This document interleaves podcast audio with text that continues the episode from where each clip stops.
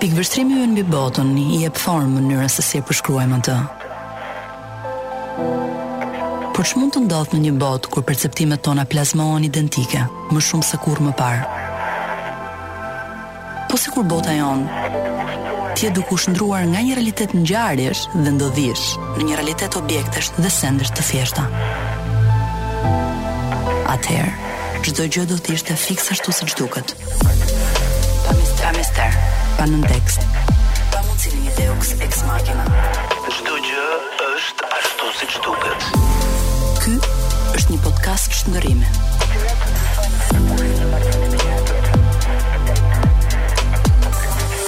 Çdo gjë është ashtu siç duket. Mirëmbrëma, uh, unë jam Ana Shkreli dhe jemi në podcastin e 5 të çdo gjë është ashtu si duket, sot është e enjte, ora është 6, ju me siguri në makinë, kurse unë jam në tryezë me dy të ftuar Shumë specialë, këtë e them për çdo të ftuar, por sot është më interesante sepse ë uh, janë të dy gazetarë. Edhe është një lloj sfide të Kjo nuk është intervistë, fakt është më shumë një lloj bisede, një lloj bisede shumë intime, por gjithsesi është sfidë të kesh dy gazetarë në studio. Mirë se vjen Ambrozia Meta, mirë se të gjej, faleminderit për ftesë. Renaldo Salianji, me të cilin jemi edhe miq të vjetër. Ë uh, tashi ju siç e dini, ky është një podcast që kryesisht është një podcast kulturor, por shumë e vështirë që të bësh ndarjen nga çfarë është kulturore dhe çfarë është sociale. Domethënë ato ecin kaq pranë njëra tjetrës, saqë nganjëherë zgjedhim të bëjmë edhe tema që janë më sociale dhe në një farë mënyrë lidhen më shumë edhe me aktualitetin që kalojmë për ditë. Ëm um, un ju kam juve të dyve në studio, ty Ambrozia nuk do ta kisha marrë me mend që do të kisha në studio kaq shpejt. Pse kaq shpejt, se me kë? Sepse kemi shumë pak që njihemi, edhe është shumë bukur që të kam menjëherë. Dëgjo. Uh, edhe un po ta kishim diskutuar po më parë nuk do ta mendoja se vjen në studion tënde, shumë pak kohë që sa i ndyrgjësh. E hapi direkt. Ej, do të thënë duket je i papar për top për pas. Renaldo tha që kemi shumë pak kohë që duhemi, sepse ne kemi patur një lloj, një lloj një kështu një miau, ë? Të të kemi pesë gërç të largët. Po, po që tani e kemi shkrirë. E kemi shkrirë. Edhe unë doja të të pyesja, sa e bukur është t'u japësh njerëzve mundësi të dyta?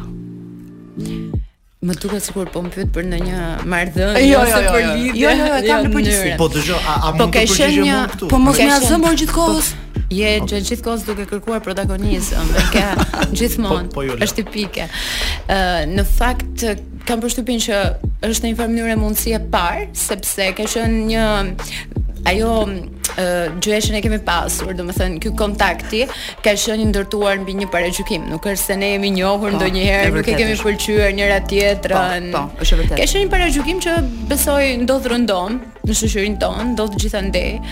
Edhe, kështu që rroftë Renaldo se na bëri më ka jetë. Më kishte bërë gjatë gjithë kohës uh, propagandë për ty, Sa e mirë është Ana, si është Ana. Njësoj. Kështu që besoj që është edhe merita e tij deri diku. Megjithatë është edhe meritë e faktit që njerëzit që janë njerëz të fortë në përgjithësi arrijnë të ndrojnë mendje dhe të lënë paragjykimet mënjanë. Kjo është edhe një lloj mesazhi që unë kisha qejf ta jepja sot, me thënë të drejtën, sepse më duket sikur në shoqërinë shqiptare stoicizmi, pra kjo ideja që ai është alamet burri se nuk ndro kurrë mendim, kupton? Kjo më duket sikur në fakt nuk është vlerë. E jo, në fakt nuk është vlerë. Nuk është vlerë. S'është vlerë. Edhe është, nuk e di, e panevojshme. Këto janë edhe uh, janë një formë mënyre edhe ndjesi personale që i ka çdo njeri, por janë janë totalisht të panevojshme. Nuk e di. Ti na dukesh hera e fundit që ke rrëzuar një paragjykim. Se ne ngelëm pak shumë se ishim përgatitur me idenë për të folur direkt për libra, kur erdhëm këtu tek ty. Patjetër ajo do pasojë patjetër është. Po bëjmë te katër minutat e para të fizkulturës. Në këtë në këtë shoqërinë tonë ku njerëzit ndërrojnë mendje shpesh për shumë gjëra, ë ose ndërrojnë qëndrime shpesh për shumë gjëra, ndonjëherë është edhe burrni që të mos ndrosh qëndrim për ca gjëra. Domethënë, përballë atyre që ndrojnë mendje çdo ditë për një çështje dhe këtyre që shpesh nuk e ndrojnë mendimin, Po nuk po flasim për çështje politike, po flasim për po se për ndërveprim njerëzor, po, po, po. flasim për miqësi, po flasim për kontakte, po flasim nuk është po, se ti kam përshtypjen e lidh. Ajo që desha të thosha që në fillim unë, që ju nuk më latë, Ti bën sikur je në transmetim direkt nga Selia tani.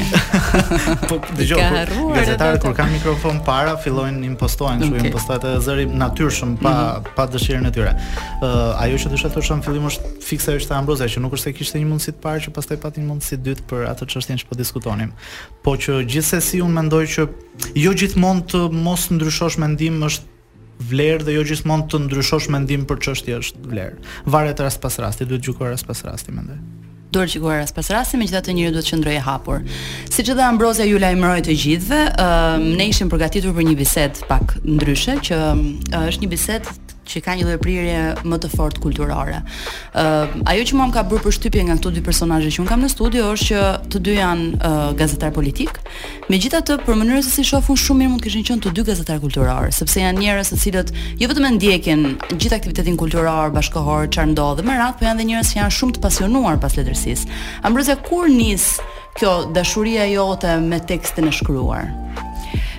Ka nisur e vogël, sepse babai im është mësues gjuhë-letërsie dhe në shtëpi ka pasur Gjithandej libra, kudo, domethënë në lavatriçe, në frigorifer, në divan, ishin të shpërndara gjithandej. Edhe mbaj mend që ka qenë uh, vet, duhet të kem qenë nuk e di 8 ose 9 vjeç, kam uh, parë një tekst që ishte uh, rrëfime për heronjtë e Trojës, edhe ka qenë kontakti i parë me botën e mitologjisë greke, nga më vjen dhe emri, dhe duke u futur në një botë uh, zotave, me Zeusin, me perënditë, për mua si fëmijë ishte një gjë shumë e jashtëzakonshme. Dhe kjo ka qenë uh, hyrja e parë.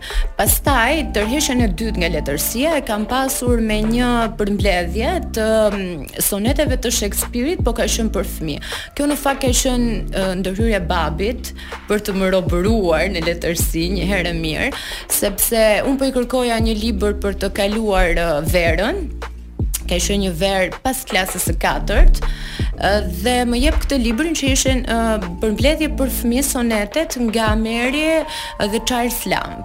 Dhe aty unë hyra në botën e Shakespeare-it dhe këtu e kam pasur pak a shumë si Kadareja atë mahnitjen me me letërsinë e tij. Dhe pas atij momenti pastaj ka qenë gjë që që vjen natyrshëm, ti mësohesh me me të lexuar e fillon ta perceptosh si një gjë që Për mua letërsia dhe sot dhe në atë moshë dhe në adoleshencë, në të gjitha fazat që kaloj, është kryen atë funksion që për t'u kthyer prap te Kadare, sepse ai ka qenë shumë i rëndësishëm tek unë, ë kryen funksionin e vet ta bëjë jetën më të jetueshme, ta bëjë më të durueshme. Kur ti lexon një vepër letrare të mirë ose që të ngelet edhe lexon një paragraf apo diçka të cilën e ke përjetuar, edhe ndjen sikur ta kanë marrë atë përjetim dhe kanë shkruar aty. ë uh, për mua kjo ka qenë, domethënë, ë uh, diçka që tani është kthyer në nevojë për të duruar të gjitha ato që ne që ne kalojmë. Nuk është më, domethënë nuk është letërsia për mua s'ka qenë ndonjëherë uh, një pasion apo një mjet për, një mjet për të kaluar kohën. Ka qenë si nevojë për të për të përballuar të gjitha fazat Se është shumë interesante që hyrjen e Ambrozias në letërsi, po themi në një farë mënyre e ka shënjuar Shakespeare, njësoj si Kadarenë e ka shënjuar Macbethi, ku ai tregon që i ka rishkruar, e ka rishkruar të gjithën me dorë. Renaldo Saliani, po flisnim më parë, bëmë një uh, një perkurs të vogël në mënyrën se si Ambrozia Meta është qasur fillimisht me letërsinë. dhe na tha që porta e saj kryesore drejt letërsisë ka qenë mitologjia greke dhe më pas uh, Shakespeare, me të cilin ne bëmë edhe një krahasim të vogël me Kadaren. Cila ka qenë, cila ka qenë vepra që në një farë mënyre ty të ka bërë ta duash letërsinë ose në një farë mënyre t'i kthehesh asaj? Do Unë mbaj mend librin e parë që kam lexuar, duhet të ketë qenë sa kam mbaruar, sa kisha filluar të lexoja dhe të lexoja kështu libra pa figura dhe libri i parë pa figura që kam lexuar ka qenë Aventurat e Rosës Monda. Rosa Monda. Aventurat e Rosës Monda. E mbaj mend edhe titullin dhe historinë e Rosës Monda. Ë uh, pastaj që ishte një libër pak më tepër letërsi, ka qenë ë uh, uh, një gjë që lidhej me mitologjinë, por prit se s'po vjen titulli. Uh, Sofokliu në prozë. A Sofokliu në prozë. Po. Sofokliu në prozë. Ë uh, kjo kishte ca figura dhe unë ndoshta edhe s'i kuptoja mirë ato, po Ky ishte libri që unë e lexoja herë pas here kur isha shumë i vogël dhe s'e kuptoja dhe pastaj më vonë uh, kur ne filluam të studionim në shkollë për mitologjinë greke, unë kuptova që ca gjëra i kisha lexuar atje dhe i dija ca gjëra nga kjo. Ndërsa letërsinë që që jam futur kështu tamam në letërsi, letërsi ka qenë dhe për mua Kadareja. Po patjetër ju të dyve. E kemi të përbashkët, por thuajse edhe tek poezia të kam orientuar unë, se duhet t'i marr tani merita. Po, po duhet t'i marrë publikisht. Po, Kur të vijmë te kjo faza që më ka orientuar ti, se deri këtu është profesor Spartaku që më ka orientuar. Po, deri te deri te Monda. Deri te pas Mondës, pastaj unë kisha një unë nuk kisha babin mësues letërsie, por kisha një mësues letërsie shumë të mirë që e vazhdonte ende atë traditën që na jepte një listë librash që ne duhet t'i lexonim gjatë pushimeve. Të cilin e kanë nxjerrë në Facebook, ë? Është një personazh me të cilin je fotografuar në Facebook po, apo jo? Po, po, po e kanë nxjerrë në Facebook. është ai ishte njeriu që na i jepte këto dhe pastaj na i pyeste në shtator. Dhe unë në fillim i lexoja nga frika se do na i pyeste mësuesi, mhm. pastaj fillova që ta ta lexoja për qejf.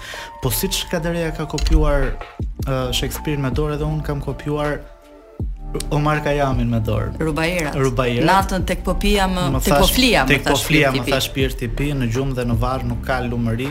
Ngrehu sa rron zbraz kupa dhe puth çupa ke shekuj të flesh në qetësi. Ashtu, këtë tani gjeta... kini parasysh për fundjavën të gjithë ju.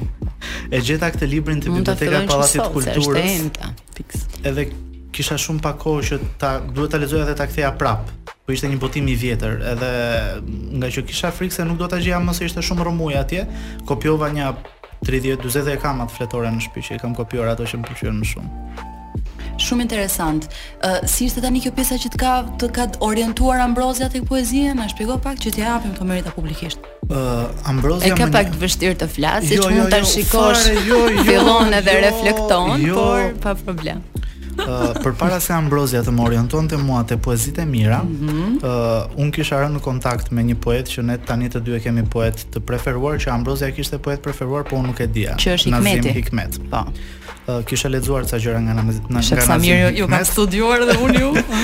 dhe uh, pastaj rastësisht zbulova që dhe Ambrozia e kishte qejf Nazimin dhe herë pas here Ambrozia më çonte mua poezi të Nazimit që e edukoja me, me edukonte me poezi të Nazimit dhe që të hiqte dorë nga disa poezi me bejte që ai lexonte ndërkohë. Çfarë lexoje më?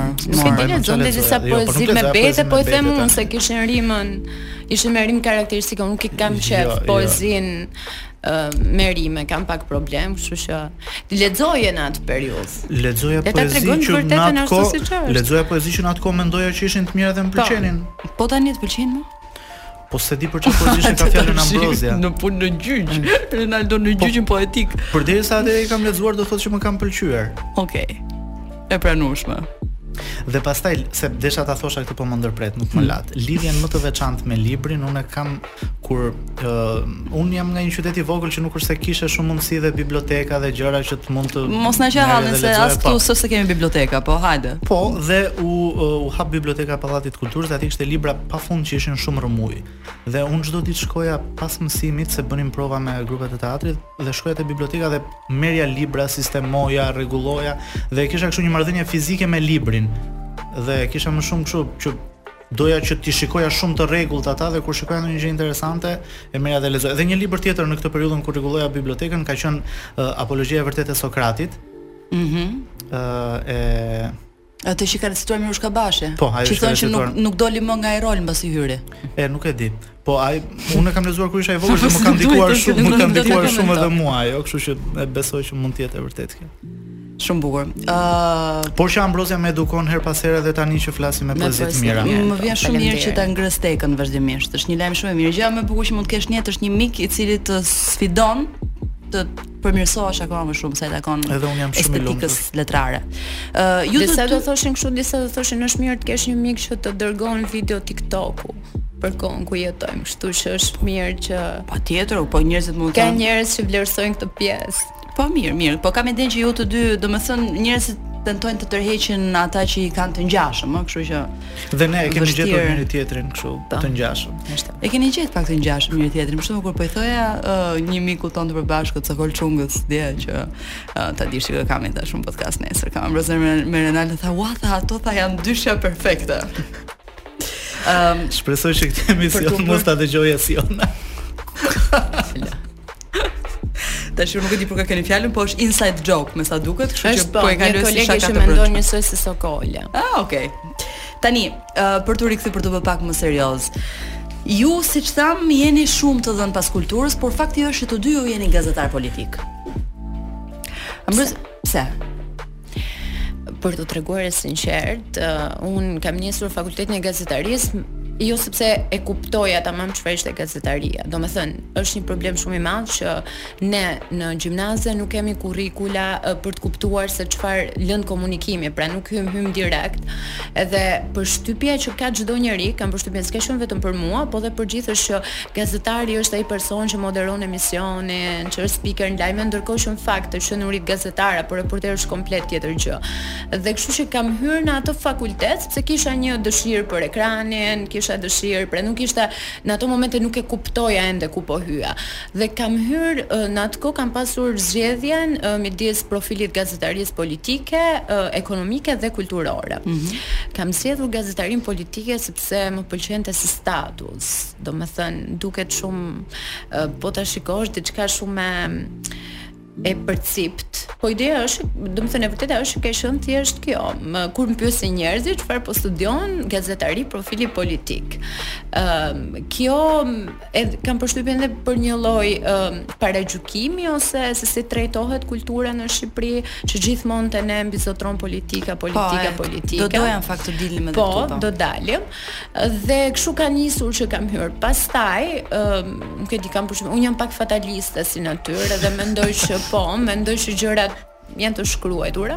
Dhe kështu mbarova atë shkollë dhe puna e parë që gjeta ishte pikërisht për atë që unë kisha mbaruar, gazetari politike, atelie e shtypit shkruar dhe nisa punë në gazetë. Mm -hmm. Dhe kështu hyra te politika dhe pastaj uh, ti ngecesh aty, është si serial, është si pse jo kulturë, sepse Unë mendoja çfarë mund të bëhem me gazetar kulture, duke qenë se në Shqipëri është një gazetari që është lajmi i fundit i edicionit. Po pra. Ë është një sektor ose një fush ku nuk investohet, që nuk merret seriozisht. Kjo për fat shumë të keq se nuk është gjë e mirë. Ë por edhe ka dhe diçka tjetër që unë e kam vënë re të paktën vitet e fundit, kultura në Shqipëri po bëhet monopol i disa njerëzve në një farë mënyre. Pra, aktivitete kulturore ose gjëra që zhvillohen në Tiranë po bëhen si atribut i një grupi të caktuar në momentin që ato organizohen nga institucione dhe ti shikon gjithmonë të njëjtët njerëz në një pjesë të madhe. Nuk e di, është një temë shumë e vërtetë dhe është një vërtet shumë e hidhur nga ana tjetër. Është diçka që mua më bezdis. Në Tiranë dhe... ka një monopolizim të plotë jo vetëm të institucioneve ndaj kulturës, ë uh, që duan të jenë vetë pjesëmarrës të hapin dyer dhe të presin shiritat e çdo lloj gjëje, po dhe vetë një pjesë e madhe organizatave që janë ato që kanë mundësojnë, po themi kulturën janë të gjitha super të lidhura me entitete specifike politike dhe kjo është unë mendoj një nga gjërat që pse njerëzit dhe i ka larguar nga njëra kultura. sepse uh, thua ok, më mirë po merrem me gazetari politike se sa të merrem me një gazetari kulturore që është uh, kaq e ndikuar dhe në një vend ku uh, kultura është kaq e vakët pa. Po. dhe kaq e varfër. Pra ti thua më mirë nga më mirë gazetari politike sa gazetari kulturore që prapë është ndikuar politikisht. Që është ndikuar politikisht po dhe nuk konsumohet. Pa. Po. Pra uh, e thashë jo pa qëllim, uh, kultura vendoset në fund të edicionit të lajmeve. Në televizione, po më fal, në televizion, po në televizion informative, uh, ose të, nuk e di uh, tamam si funksionojnë, po flas për informative se aty punoj, ka raste ku kultura nuk transmetohet uh, sepse uh, ka kaluar minutazhi, për shkak se pa, ka pas lidhje live, ka pas zhvillime politike, ka pas gjëra, pra uh, është shumë e nënvlerësuar në vendin tonë dhe shumë gjynah sepse uh, Kultura është thelbësore për një vend është kam përshtypjen është një nga shkaqet pse ne vuajmë shumë gjëra të tjera pastaj sot si shoqëri. Ajo që më bën përshtypje është që si ka mundësi që ka emisione gatimi dhe prapë për emisionet kulturore lihen mënjanë më. Se emisionet e gatimit ti as nuk ke më nevojë për emision gatimi, a t'ju bëj një pyetje unë ju. Ju keni gatuar ndonjëherë ndonjë gjë duke parë emisionin e gatimit?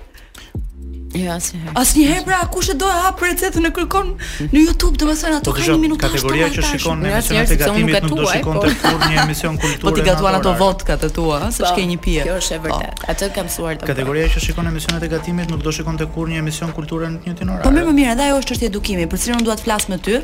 Do kalojmë çik në publicitet, pastaj do rikthehemi sepse dua të di ti ke qenë, më duket gazetar kulture. A s'jemi njohur bashkë? Po, si gazetar kulture. Po që më the ti the je bosi parja kuqe, më del gjithë ne. Jemi rikthyer në çdo gjë ashtu si duket. E lamë për gjysmë, ia lamë fjalën në gojë Renaldo Salianjit, i cili hera e dytë që e bën këtë gjë. Më duket se po hakmerret, se unë kam thënë para 6 vitesh para jo, nuk, nuk jam natyrë shumë hakmarrëse për të thënë të vërtetën jo për gjithë, po për to, jam një dem shumë përtac, kështu që... Po unë si një akrep mendoj gjithmonë për hakmarrje. Dhe kjo është vërtet, dhe të duket në sy. Uh, Renaldo, ne po flisnim që parë për um, të qenit gazetar politik kur ke mundësinë të zgjedhësh edhe drejtime të tjera gazetarie. Nga uh, këndvështrimi yt për mua është shumë interesant, sepse ti vetë je një njeri i cili Ëm e ke nisur si gazetar kulture apo në mos e ke nisur e ke ushtruar për një periudhë? Kam qenë, nuk e kam nisur, e kam nisur si gazetar ekonomie, pastaj kalova u bëra gazetar kulture. Unë paska bërë gjithë. Po. Po se kur je i ri në një redaksi lajmesh, ë do të provosh të gjitha se të çojnë kudo. Mhm. Dhe unë ngaqë e kisha ndarë mendjen që do filloja punë në televizion, kudo që më çonin thosha po, okay, dakor. Ça mbetej një pozicion bosh në redaksi, po e plotësoj unë. Edhe kështu ishte kjo puna e gazetarisë së ekonomisë përveç se kisha emision, më fal. Kisha studiuar edhe për gazetari ekonomie në shkollë. Ambrozia, siç tha, që kishte studiuar për gazetari politike, unë kisha bërë profilin gazetari ekonomie. Okej. Dhe e gjete veten duke punuar në kulturë. Dhe e gjeta veten duke punuar në kulturë. Dhe punova për ndoshta një vit e pak në kulturë dhe pastaj kalova natyrshëm në politikë kur kultura u bë më shumë politikë se kulturë në çështjen e teatrit atëherë. Se ai ka qenë momenti jot i thyerjes, ë? Po. E sa thyerje ka shkaktuar thyerja e teatrit? Heshtje. Kishim një minutë heshtje në tavolinë. Ë, uh, kështu që në një farë mënyrë ajo jote ka qenë një zgjedhje e e përgjegjshme, domethënë e vetëdijshme, nuk është se ka qenë thjesht një ndërrim pozicioni, ti ke vendosur të kalosh ke politika po, pas po, një po, po, zhgënjimi po, nga kultura? Pas shumë zhgënjimesh si gazetar kulture. Ë uh, e para gazetarit të kulturës i jepet fjala e fundit për të folur në mbledhje ku raporton. Ëh mm uh, raportojnë politika, ekonomia, socialia, bota dhe pastaj po nga kultura kemi ndonjë gjë? Kemi këtë, e po mirë, ndahen kamerat, nuk ka kamera që gazetari i kulturës të dalë në terren. Ose edhe kur ia arrin që të gjejë një kamera me shumë mundime që të bëjë një intervistë, ë shtyhet edicioni se ka dalë një politikan live ose ka shumë kronika politike, edhe nuk do jepet sot ajo kronika, por do jepet nesër, kronika e kulturës. Dhe këto janë gjëra që përsëriten çdo ditë. Dhe kur ti punon, përpiqesh, mundohesh, e bën me shumë dashuri atë gjënë, dhe të thonë që shiko se s'kishte vend për një minutë e gjysmë se ishin këta politikanët live, po do ta japim nesër kronikën tënde, ç'ke ti, mos u mërzit. Si mund të bësh një kronikë tjetër nesër? Domethënë ndihesh si një gazetar i kategorisë B, po themi në momentin që merresh me kulturë apo? Po, për faktin që të puna jote vlerësohet më pak? Nuk vlerësohet fare. Okej. Jo se ata njerëzit që e kanë në dorë që ta vendosin në skaletë kronikën nuk duan, po është sistemi. El, el problema es el sistema. Është krijuar kjo që kultura nuk shet, kultura Ai pra ajo do të kultura nuk shet edhe këtu te kultura nuk shet, se kjo është shumë e bukur kultura nuk shet. Ëm uh, këtë e kam dëgjuar dhe nga gazetarë të tjerë kulture që më thonë që tani nuk na kushton edhe aq hapësirë sepse shqiptarët, thonë, hanë bukë me politikë. Pyetja që kam unë, si e mendoni ju, a mos është ky një rreth vicioz në sensin që shqiptarët janë edukuar në këtë lloj mënyrë dhe tani ajo është ajo që kërkojnë, pra a ka një mënyrë për ta thyer këtë rreth? Po kam përshtypjen që janë edukuar, por është diçka që nuk mund ta bëjë media. Unë mendoj që puna e edukimit dhe kulturës është diçka që merret në familje. në përgjithësi. Ndikon dhe shkolla, por është diçka që merret në moshë të vogël. Mm. Unë nuk e kam parë ndonjë nga njerëzit që kam përrreth, të cilët nuk kanë pasur një lidhje, qoftë me librin apo qoftë me me kinematografinë apo të kenë pasur një pasion që lidhet me kulturën, me muzikën apo diçka që të ketë ndryshuar dhe të ketë devijuar në një moment të fundit dhe pastaj të ketë ardhur dhe ta përqafojë kulturën. Kështu që unë kam përshtypjen dhe thirrja ime është që thirrja, domethënë ajo që unë mendoj që mund të jetë zgjidhje mm -hmm. është edukimi i fëmijëve që të vegjël. Me këtë nuk nënkuptoj detyrimisht që ti ta ta trysnosh fëmijën, ta stresosh, do lexosh këtë, do dëgjosh këtë muzikë, por të fillosh ta kanalizosh dhe t'i kushtosh më shumë kohë atij, mos ta lësh me siç mund të bëjnë shumë prindër që edhe i kuptoj për shkak të ritmit që kanë të jetës, që i lënë me smartphone, i bien shumë shkurt, po të mundohen pak më shumë për t'u marrë me edukimin e tyre sepse pastaj çdo gjë vjen nga fëmijëria që ne kalojmë. Pra unë nuk e shoh më shumë se është një shoqëri e cila është rritur kështu, prandaj shkon drejt politikës dhe prandaj i largohet kulturës. Është diçka që fillon shumë më herët se sa thjesht ne si media dhe po ta shofësh, duke qenë se njerëzit nuk konsumojnë kulturë, pra nuk nuk zgjedhin të lexojnë ose të t'i kushtohen kësaj pjese, ë muhabetet më të pranishme që ti ke sot në Shqipëri në kafe janë muhabetet politike. Unë jam gazetare politike, kur ulem në një kafe në çfarëdo lloj vendi në kryeqytet, Personat që do dëgjoj në krah do jenë një herë duke diskutuar fatet e opozitës dhe se çfarë ose si sillet kryeministri, pastaj do kalojnë në një temë tjetër të tyre dhe nuk i dëgjoj të flasin për kulturë, nuk i dëgjoj të flasin për libra, kështu që nuk mendoj që është vetëm media, por është diçka që që nis nga familja, për mua ose si e shoh unë. Unë mendoj që media e ka në dorë ta ndryshojë pak, jo shumë, po pak këtë gjë. Ë, nëse media do t'i servirë gjatë gjithë kohës politikë, politikë, politikë, ata atë gjë do duan, do mësohen të shikojnë.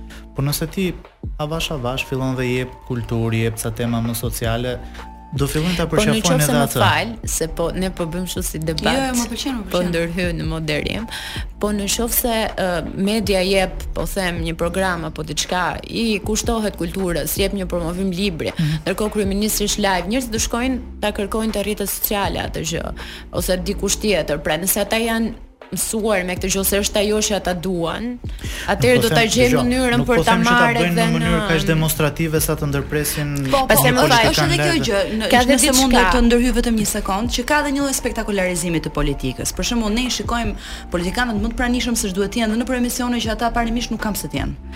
Dhe kjo gjë ata i ngre gati në nivelin e starit. Këtë dua të them unë që shpesh është politizimi. Pra ti ke shumë të drejtë kur thua që mbase nëse paralelisht do ishte një kronik libri dhe kryeministri njerëzit pa dyshim fare do shihshin atë, do futeshin do ndiqnin ERTV-në live në Facebook edhe tip praktikisht je anashkaluar por në momentin që ti ma merr politikanin mua dhe dhe dhe në hapësirën ku atij nuk i takon të jetë që mund të jetë një spektakël mund të jetë një konkurs mund të jetë një çmim libri një çdo ti ma fut edhe aty në atë moment ti je duke ma kthyer realisht në popstar pra ti po më politizon çdo gjë Ke të drejtë. Pse çmimet e panairit do t'i japin politikan për shembull? Ë, uh, ke të drejtë. Jo për atë ndërhyje, po për shembull në rastet kur i marrin në emisione që nuk kanë lidhje po, me po. profilin e tyre ose për ata, sepse janë personazhe që shesin. Dhe këtu është, uh, po themi këtu hyn ajo që un thash edukimi. Po. Në qoftë se un do kërkoj uh, këtë gjë, atëherë un do shkoj drejt asaj. Nëse un nuk jam mësuar ose nuk e kam qef ose nuk e kam dëshirë kulturën, ose e shoh si një një fenomen të tillë, atëherë unë nuk do shkoj tek ajo dhe sikur të ma çojnë gjithandej. Ky është ky është perceptimi im atë që shoh unë në shoqëri ose është detyrimisht mua më thonë që duhet të kalojmë në publicitet, kështu që T'i them pas publicitetit ato dy shembuj. T'i themi pas Renaldos gjithmonë ndodh që ti jetë në momentin përfundimtar. Renaldo Salianji, t'i ngelën dy shembujt në në majë të gjuhës. Për të thënë që media e ka në dorë që ta edukoj pak, jo shumë po pak. Publikun e vet me gjërat që jep, ë dhe ta mësoj jo vetëm me politikë, por edhe me gjëra të tjera. Unë nisa punën në një televizion që sapo po hapej atëhere, ë dhe kryeredaktori vendosi që të bënte një çmenduri që edicionet tona të mos edicionet tona të lajmeve të mos hapeshin me politikë. Asnjë edicion, të hapeshin me kronika sociale. Dhe në fillim thanë, po ju qenkeni çmendur se paskeni vendosur që ta falimentoni që në fillim këtë televizion dhe pastaj pasi vazhdoi kjo gjë për një 6 muaj, filluan njerëzit të thoshin, "Ah, sa mirë ju jeni ata që i hapni lajmet me sociale." Dhe filloi u bë e natyrshme që lajmet të hapeshin. Telefon kryeredaktorit dhe i thanë se duhet ta fillosh edicionin me politikë. Jo, jo, nuk po them, mos të futemi te kjo pjesë, po futem te ndikimi që ka kjo gjë te njerëzit. Ë, uh, Kur kjo gjë u bë normale, që lajmet të hapeshin dhe me kronika sociale dhe të mos hapeshin me politikë, njerëzit filluan ta kuptonin këtë gjë. Ah, ju i hapni lajmet me sociale. Okej, okay, sa mirë që e bëni këtë gjë.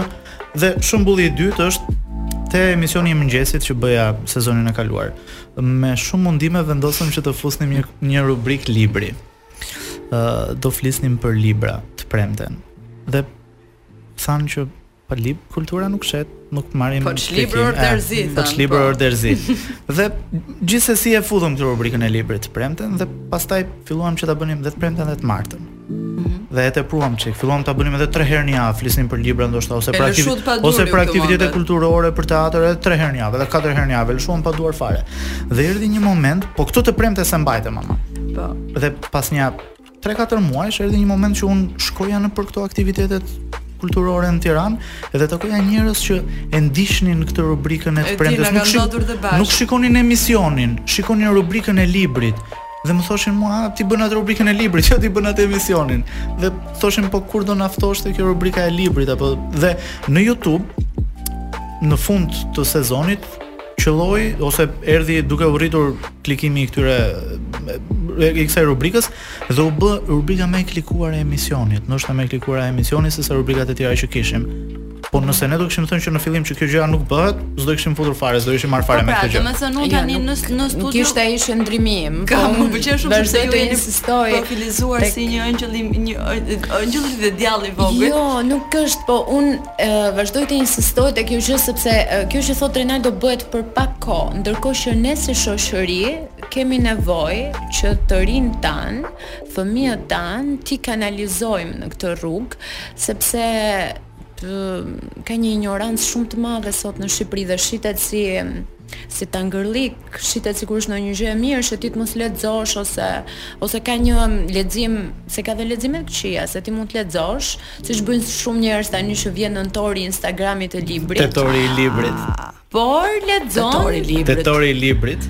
Por lexon letërsi që është e një niveli që ti nuk përfton, mendoj unë asgjë edhe kur edhe sa i përket fjalorit. Kështu që unë mendoj që duhet të fillojë Nga familja dhe pastaj ta shtrijmë në media, në televizion e po, gjithandej. Po, jam, po, jam dakord me këtë. Aty? Po, ata njerëz që nuk i përkasin kësaj kategorie, po janë si ata që unë takoj te këto aktivitetet kulturore që duan të shikojnë një gjë kulturore në televizion dhe nuk kanë ku e shikojnë. Unë duan të ndryshojnë veten e tyre, po them për këtë, pak. Për këtë, për këtë kategori njerëzish që në mëngjes nuk duan të dëgjojnë emision gatimi, Po nuk kanë ça shohin tjetër dhe janë të detyruar që të shohin një emision që nuk ju pëlqen. Tani kam një pyetje tjetër. Ne po flisnim pak më parë dhe ju më thatë mua me të drejtë që gazetarët e kulturës janë më të më të pak paguarit, po, po themi janë më të më të keq paguarit. Më të keq, nuk do ta thoja keq, po ta lashë ty e the ti më të keq paguarit në redaksi. Mm -hmm. Tani pyetja ime ngaqë është kjo gjë që në momentin që ata janë më të keq paguar dhe pjesa më e madhe atyre që mund të jenë gazetarë të mirë për një arsye ose për një tjetër që është dhe një arsye politike, ekonomike, vendosin të kalojnë tek politika.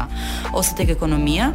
Pastaj çfarë ndodh me këta gazetarë kulture që na mbeten ne në studio? Domethënë a, a janë ata pastaj të aftë realisht që ta përcjellin këto lloj edhe problemet, dinamikat që janë pikërisht këto për të cilat foli Ambrozia që ne kemi një monopolizim total të kulturës nga politika Apo përfundojnë që bëhen vetëm më pas amplifikatorë dhe altoparlantë të atyre gjërave që i thuhen. Ndodh kjo e dyta sepse ë uh, gazetarët e kulturës pasi bëjnë një farë kohë gazetari kulture ose kalojnë në një sektor tjetër te politika që është më i lakmuari se është më i paguari ë uh, dhe më i privilegjuari ose e lënë gazetarinë dhe merren me një gjë tjetër. Unë di plot shembuj të gazetarëve të kulturës që e kanë nisur si gazetarë kulture, kanë punuar ca kohë si gazetarë kulture dhe e kanë lënë për një sektor tjetër.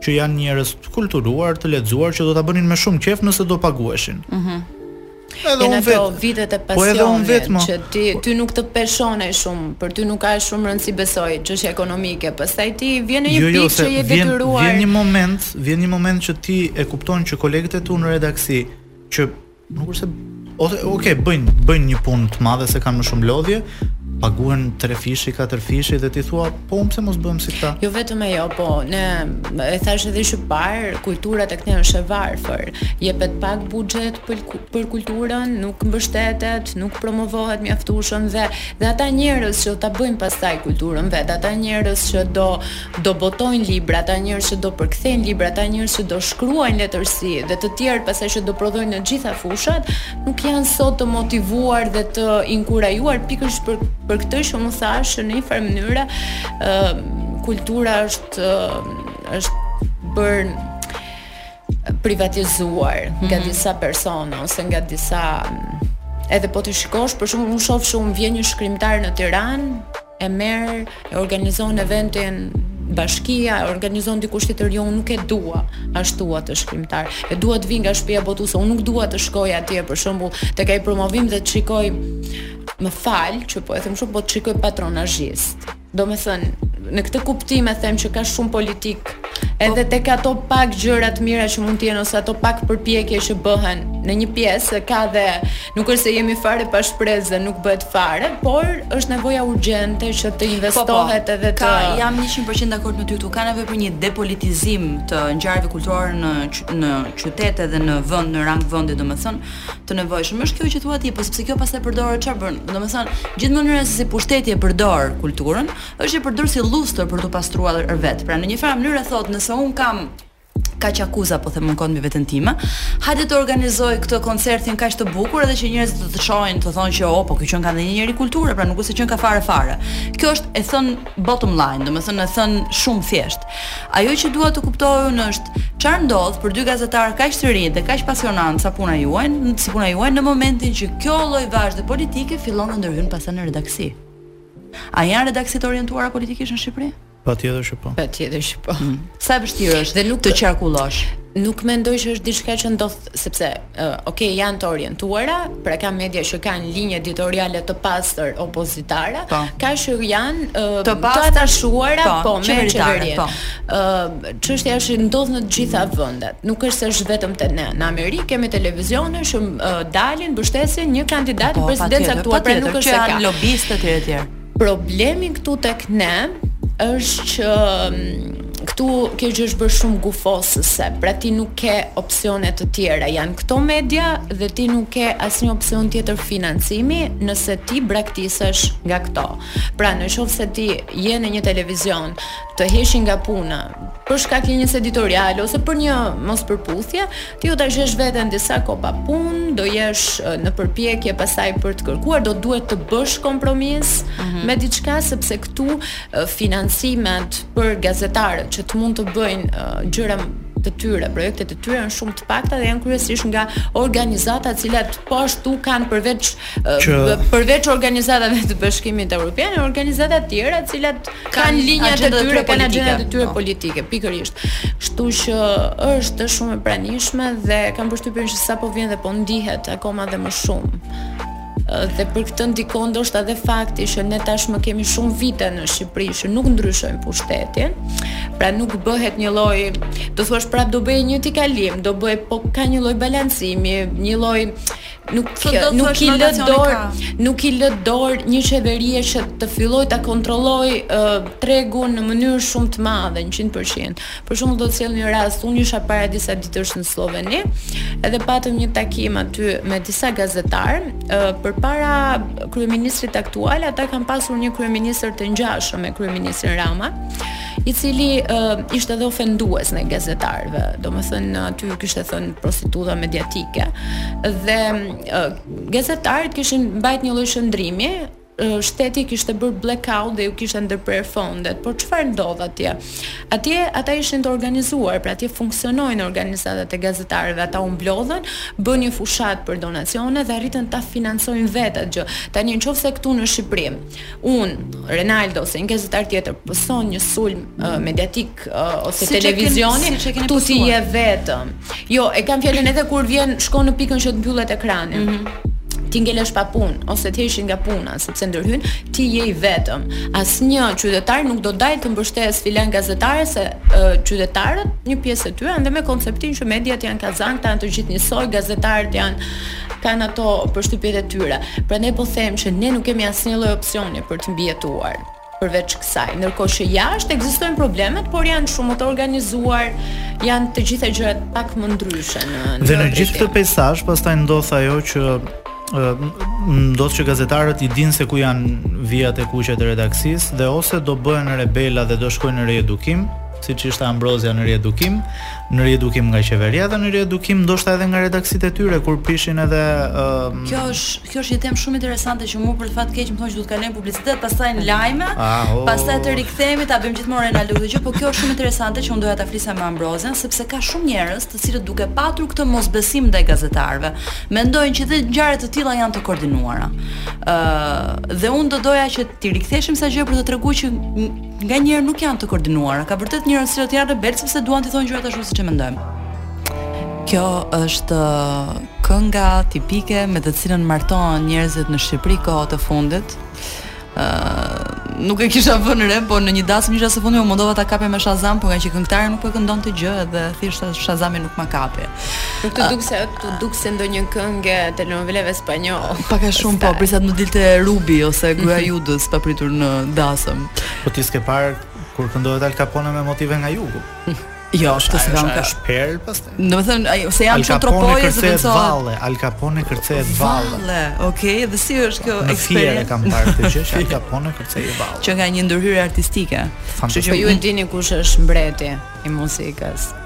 Kush është? Gena. Ai ai e thotë atë që zbulimi më të rëndësishëm. Ha? Që na pret të gjithëve. që na pret të gjithëve një gur mbi varr, kështu që nuk duhet. Po. Kështu që nuk duhet të mërzitemi ose ta vrasim mendjen shumë, t'i marrim po. gjërat pak më. Ai thotë dhe një tjetër, thotë më mirë me ty dhe fukara se sa pa ty i pasur. Kjo edhe kjo është një maksim e rëndësishme jetësore, po ta mendosh, të thotë dashuria është para para përmasës monetare financiare. Ë që ta dini për ata që janë sintonizuar tani, domethënë mbas lajmeve, un jam në studio me Ambrozia Metën dhe me Renaldo Salianjin, deri tani e kemi analizuar në detaje ë pse kultura jonë e shkretë merr gjithmonë vendin e dytë apo të tretë që i takon në redaksitë e lajmeve dhe po flisnim pak edhe për ndërhyrjet politike që po themi zën edhe vet redaksin. Ishim duke folur për rastin, po flisim për disa raste, po po ndalojmë te rasti konkret uh, i Ambrozias, në të cilën Ambrozia u çua në riedukim pasi bëri një pyetje të vetëm në një uh, deklaratë për ishte një deklaratë për shtyp apo jo. Po, ishte një deklaratë e kryeministrit pas një mbledhje të kryesisë së Partisë Socialiste. Ishte një pyetje, po pastaj u bën disa pyetje që lidheshin me aferën e inceneratorëve. Po. Domethënë ka qenë koha kur është arrestuar uh, një tjetër deputet i PS-së, ishte arrestuar më para ish-ministri Lefter Koka, që ishte pjesë e deputetëve të PS-së në këtë mandat dhe u arrestua deputeti i dytë dhe domethënë kjo këmbëngulja ose pyetjet e mia uh, vërtiteshin të gjitha rreth faktit nëse uh, kryeministri Rama kishte ndonjë përgjegjësi që po i futeshin shumë deputet në burg për këtë çështje të inceneratorëve. Pra gjitha nuk e lija të ikte pa më kthyer përgjigje për këtë. Nuk e lëshoj. E bezdisa derisa të paktën bëja ato pyetje që unë mendoja që i duheshin. Kështu që ti u çove në riedukim. Një gjë që kemi parë të ndodhi edhe më mbrapa, edhe me po. gazetar të tjerë. Tani ka shumë njerëz të cilët thonë më që këto janë lojra politike që i bëjnë vetë drejtorët e redaksive. Kush e thot këtë? Ka në nivel popullate, ka plot njerëz. Domethënë siç the ti që kur ndalojnë në kafe njerëzit po. flasin për politikë etj etj. ose flasin për shifra të çmendura monetare, për shembull unë i dëgjoj të gjithë që flasin për miliona euro, domethënë ndërkohë që për veten nuk e di sa para mund të kenë në xhep, por edhe në këtë rast ka njerëz që qarkullojnë këtë opinion publik, që këto janë lojra mes atyre që janë kryetarëve, këtyre kryeredaktorëve, po themi, të redaksive, edhe forcave politike. Dhe shpesh nuk e mendojnë që janë dhe gazetarët vetë ato që ata që vërtet e çojnë përpara dhe e kërkojnë këtë gjë. Ambrozia si qëndron e vërteta mbrapa kësaj? Nuk e di më vjen për qeshur për pyetjen, sepse nuk e kisha menduar ndonjëherë që për shembull mund të perceptohet sikur është është apo mund të quhet që a bëhet kjo gjë që të përfitoj televizioni dhe të kenë, domethënë të ketë një lloj a është në një farë mënyre shantazhi i televizionit po, po, ndaj kryeministrit ose politikanëve, po në këtë aspekt Ë po nuk besoj që, ku di un, do dilte aq mirë po të kishte qenë një përplasje e përgatitur. Është thjesht që ka, të paktën un disa përballje që kam pas me kryeministrin, kanë qenë të gjitha në një kohë që un e kam konsideruar si pikën e vlimit për sa i përket skandaleve të Partisë Socialiste. E para ka qenë një konferencë te Rinasi ku e, ishte arrestuar ish ministri Tahiri dhe kishin dalë akuza për vllajën e ministrit tjetër të Brendshëm, i cili aktualisht vuan dënimin në Itali. Dhe e dyta po i marr si momentet më kulmore se pastaj ka pas konferenca të tjera, ka qenë kjo e riedukimit që e, u shpik edhe si masë e re, se nuk ishte, domethënë kishe dëgjuar ndonjëherë në këto pra, kishte ti, ti vendose një standard. Po, mund të themi, standard ose ishte një masë që u shpik për mua, ë se nuk nuk e di, nuk ka kuptim ose nuk ekziston si thelb si gjë. Megjithatë janë të gjitha pyetje që kanë ardhur si pasojë e një situate që është amplifikuar me shumë skandale. Dhe pastaj ka pasur atë nevojën që unë të pyes për të kuptuar se e kujt është përgjegjësia. Dhe si ka mundësi që për shembull ky njeri, këto gjëra ndodhin dhe kryeministri vetëm kryeministri s'ka asnjëherë përgjegjësi në vendin tonë. Të gjithë të tjerët mund ta kenë fajin, po ai asnjëherë nuk di gjë për për këto gjëra. Dhe kështu vijnë pyetjet njëra pas tjetrës. Nuk nuk është që mund të organizohet ajo gjë me skenar, sepse ti asnjëherë nuk e di edhe se si do reagoj pala tjetër. Ka raste për shembull kur Rama nuk të lë të flasësh, ka raste të tjera kur, siç ka ndodhur gjatë asaj që mund të quhet periudha e riedukimit tim që un bëja pyetje ai injoronte totalisht pyetjet dhe u kërkonte kolegëve të mi që të bënin pyetje të tjera, pra thjesht heshte. Kështu që nuk mund të bëhen të planifikuara. Uh, janë sepse un uh, jam në një televizion i cili ka qasje opozitare, jam vetë natyrë rebele, domethënë jam natyrë opozitare. Uh, dhe vijnë si pasojë edhe të një karakteri që un kam për t'i shkuar deri në fund uh, gjërave pra për të këmbgulur kur mendoj që diçka është është e vërtetë apo diçka që un mendoj që është e drejtë. Renaldo folëm pak për um, po themi sa i kushton një gazetari që të jetë besnik vetvetes, uh, edhe në një farë mënyre ta shpreh edhe etosin e vet, po themi të gazetarisë edhe, edhe sa rebel është është vetvetiu. Sikurse folëm më parë dhe për një fenomen tjetër interesant që është pikërisht, domethënë presioni edhe që të bëhet dhe vet në media. Uh, un kam vënë re që çdo vit sa herë që hapet sezoni mediatik, fillon kjo që është tregu i ri mediatik, në të cilin kemi zhvendosje, jo vetëm gazetarësh që janë më të establishment, po themi, po edhe drejtorësh të ndryshëm me radhë. Një pjesë e cilëve ka tendencën që të marrë dhe stafin e vet. Uh, me vete duke shkaktuar, po themi, tërmete të mirëfillta në këto redaksi.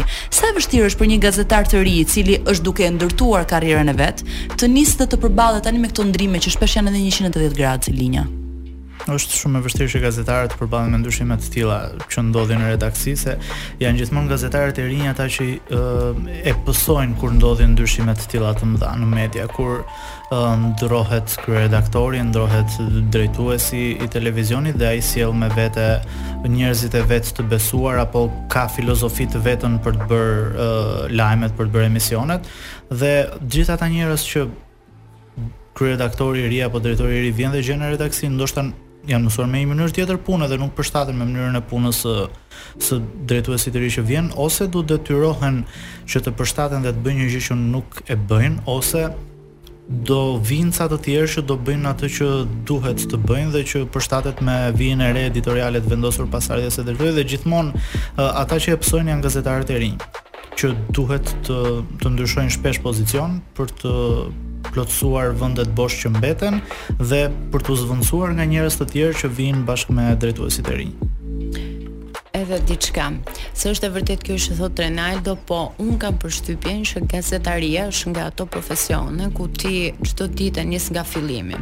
Pra presioni është shumë i madh. Ti një ditë mund të kesh bërë lajmin më të mirë të redaksisë dhe je, të gjithë të duartrokasin ose gazetar i mirë. Të nesërmen ti pastaj do të nisësh nga fillimi sepse është është aktualiteti, është rrjedhja e informacionit që është kaq e kaq e shpejtë sa ti nuk mund të rrish të gëzosh një suksesin tënd, por gjithmonë duhet të punosh çdo ditë për të qenë, nuk e di, për të sjell lajme të reja, për të bërë lajme të mira, për të po, bërë intervista të mira. Është një profesion që ti nuk e di se si dhe, se si të merr dita, ti çohesh në mëngjes dhe, me, dhe ke planifikuar ditën dhe papritur ti e gjen veten orën 12 e gjysmë të natës duke raportuar nga selia e partisë. Dhe ka dhe diçka. Kjo nuk besoj që është diçka që nuk u ndodh vetëm gazetarëve kur janë të rinj. Ne kemi parë uh, drejtorë mediash, të cilët në një periudhë të caktuar është dukur sikur kanë qenë uh, ka pas një siguri të jashtëzakonshme, sikur kanë pasur një vend të stabilizuar dhe nuk do t'i lëvizte njeri dhe diçka ka ndodhur, qoftë në linjë editoriale apo qoftë një mosmarrëveshje me me ose me pronarët e televizionit ose me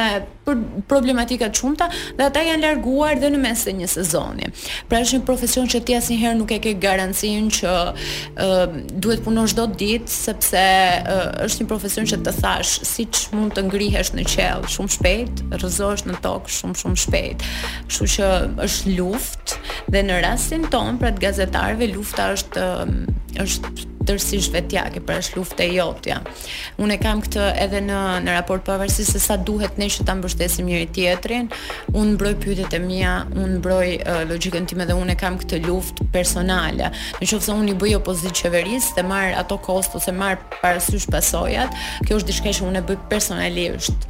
Kështu që mm, është është një fat vetjak që ne zgjedhim në një farë mënyre në vendin dhe shoqërinë ku jetojmë. Jemi jemi vetëm, ndoshta më shumë se sa disa profesione të tjera, sepse është edhe një profesion tek i cili ti je në ekran dhe ku konkurrenca është shumë më e ashpër dhe më agresive se sa në profesione të cilat ti je në zyrë me disa kolegë jo këtu tek ne është egoja shumë e madhe, ambicia, lojërat e pushtetit, intriga, gjëra që janë më shumë prezente ndoshta se sa në gazetarëve të vjetër dhe gazetarëve të rinj. Aty e ke të gjithë fiksimin. Ti ke vuajtur pak këtë, ke patur dikur edhe një një një përplasje publike me një gazetare e cila është një gazetare po themi e establishmentit më të vjetër. Uh, dëgjo nëse një gazetar uh, unë, edhe unë kam pasur një incident gjatë gjatë punës, kështu një incident fizik me një nga truprojat e Arta Markut në atë po, kohë dhe Po, e mbaj mend që të goditi domethënë. Po, dhe nuk e kuptoja dot atëherë sa kisha nisur, nuk kisha shumë që kisha nisur se si një gazetar i vjetër që kishte ndoshta 20 vite eksperiencë mm -hmm. shkruante në Facebook që e mo si bëjnë këta të rinjtë ne na kanë zgërdhirë në dru dhe nuk bëjmë kështu. Domethënë, mua më dukej shumë, më dukej shumë e çuditshme se si një gazetar e quante normale që gazetarët të dhunohen dhe ai të mos ngrejë zërin. Dhe aty pastaj fillova dhe unë të reagoj e thosha shiko se nuk është normale kjo gjë që ti të zgërdhihesh në dru dhe mos të bësh kështu. Po për ça duhet të, të reagosh ti kur nuk reagon dot për veten tënde? Që të paskan zgërdhirë në dru dhe nuk bën kështu.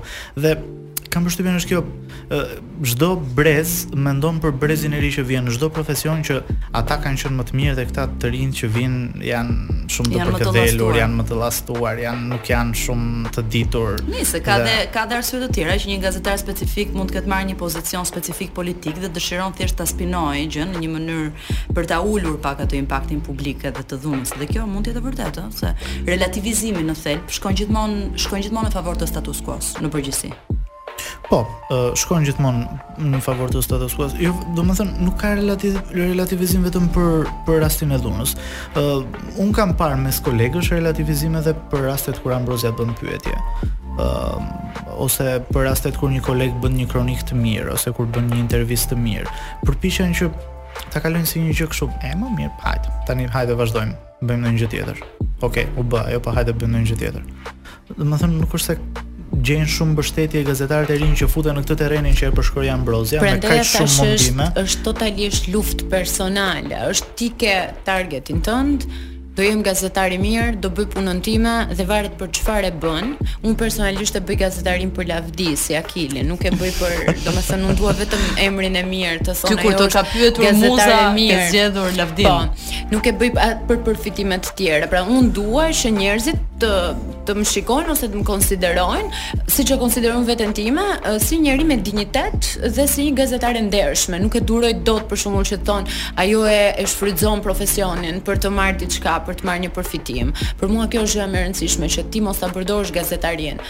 Dhe prandaj po them që është është shumë uh, betejë personale dhe luftë personale, sepse uh, tek e fundit, uh, prandaj thashë atë gjënë që ne jemi shumë të dukshëm, uh, nuk para gëzohen kolegët për arritjet e, e asnjërit në gazetari, sepse secili ka fokusin të jetë më i mirë, të dalë më i mirë sepse lufta bëhet në publik.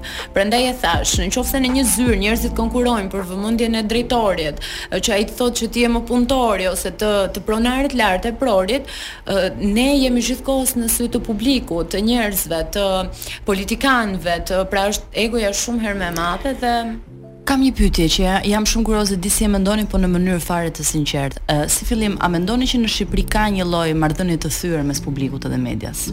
Po. Edhe ti the për shembull Shpat, the një gjë që më bëri përshtypje sepse mendoj që është e vërtetë. Që një pjesë e njerëzve thonë më mirë se ato kazan janë, janë bashkë me pushtetet, janë ë dhe sa përgjegjës, nëse e mendoni këtë gjë, sa përgjegjës mendoni që është brezi më i vjetër i gazetarëve në këtë edhe një lloj shitje në thonjza që mund të ketë bërë, e një misioni që në është misioni i i i mbrojtjes interesave të publikut. Piloti, se mendoj se ka më shumë për po, të. Ka ka një thyerje të besimit mes publikut edhe gazetarëve kur doli në treg fjala kazan. Për shembull, mua më ndodh shumë shpesh që kur jam duke raportuar apo kur jam duke bërë një stand up apo kur jam duke marrë vox pop në rrugë apo në një protestë, të vinë njerëz aty dhe të të thonë kazan, ik ore kazan. Me vërtet. Po, po, po, të thonë ik ore po, po, kazan. Po, po, po, po, po. Wow. Ata nuk më njohin fare mua mm. personalisht. Unë nuk i njoh fare ata, ndoshta më kanë parë në televizor. Po kjo gjëja që mediat janë kazan, media është e keqja e këtij vendi, gazetarët janë e keqja e këtij vendi, kanë ngjitur shumë te njerëzit. Dhe ndodh gjithmonë e më tepër që në grumbullime të mëdha njerëzish ka njerëz që vijnë dhe thonë ju jeni kazan, ik ore kazan. Kur ti je duke bërë punën tënde ai ai të mendon ty si një kazan. Po pse e mendon ti Renaldo që ka ndodhur kjo gjë? Ë uh, për shkak se për shumë përveç retorikës politike. Unë mendoj që retorika politike është kryesore. Po pra, po ka një arsye pse ajo ka ngjitur ke njerëzit. Do të çfarë kanë parë ata? Kanë parë mbase një barazim të pushtetit mediatik me pushtetin ekonomik? Çfarë kanë parë mbrapa kësaj gjëje?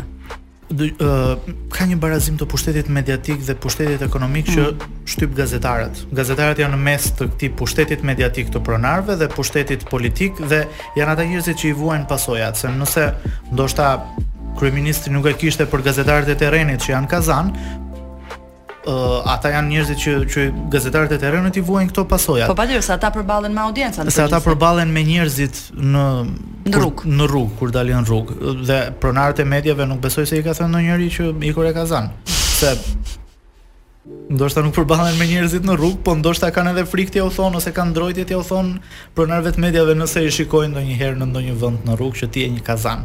Se ata mendojnë që punën e bëjnë gazetarët e ky është pronari. Dhe automatikisht ai që bën punën e kësaj gjëje që është kazan, është kazani. Ambrozia ka një opinion që është pak më ndryshe nga ky. Nuk i ngarkon kaq mëkate mbi shpinë. Nuk i ngarkoj sepse në përgjithësi, në përgjithësi prandaj që e them është pak personale, me mua janë sjell mirë edhe njerëzit, edhe kolegët. Pra, mund të ketë, mund të jetë kjo që thot Renaldo, që ata kanë për mua një e po se ajo do të marr vëmendjen, ajo është protagoniste, ajo bën këtë gjë kastile, por në thelb nuk kanë folur keq, nuk është se kanë thënë ndonjëherë që për shembull Ambrozia po përdoret ose po bën. Dhe njerëzit akoma më mirë, ata që më njohin ata që e njohin politikën, se jo detyrimisht të gjithë më njohin. Kështu që un jam pak më nuk nuk dua që të flas keq për kolegët. E kam si jo, jo, me gjithë ata të keq për kolegët, po janë këta kolegët që e kanë zhvlerësuar aq shumë pyetjen se sa kur ti bën një jo, po nuk nuk jo s'ka lidhje, nuk ka lidhje fare ju rrej. E kanë zhvlerësuar aq shumë pyetjen sa kur ti bën një pyetje duket e çuditshme. Po pra po po. Nëse këta do kishin bërë vazhdimisht pyetje të forta dhe pyetje normale, nuk do ishte e çuditshme që ti të bëje një pyetje. Ty t'u duk e çuditshme kur bëra atë pyetjen e the, "Ua, po kjo bëri pyetje?" Po jo, se unë këmbëngula, këtu është thelbi. Ata nuk ndoshta nuk e çojnë më tutje. Është e vërtetë që ka pasur uh, gazetarë dhe persona në Shqipëri, të cilët e kanë shfrytzuar profesionin për t'u pasuruar.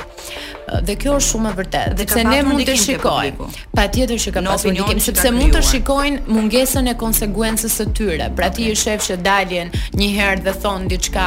Po marr një shembull uh, banal edhe tërësisht konkret, diçka uh, kundër qeverisë, pastaj ti i shef për 3 muaj që bëjnë vetëm lajme pro qeverisë ose, ose persona të cilët pastaj në bazë të interesave të tyre bëjnë uh, këtë gjë.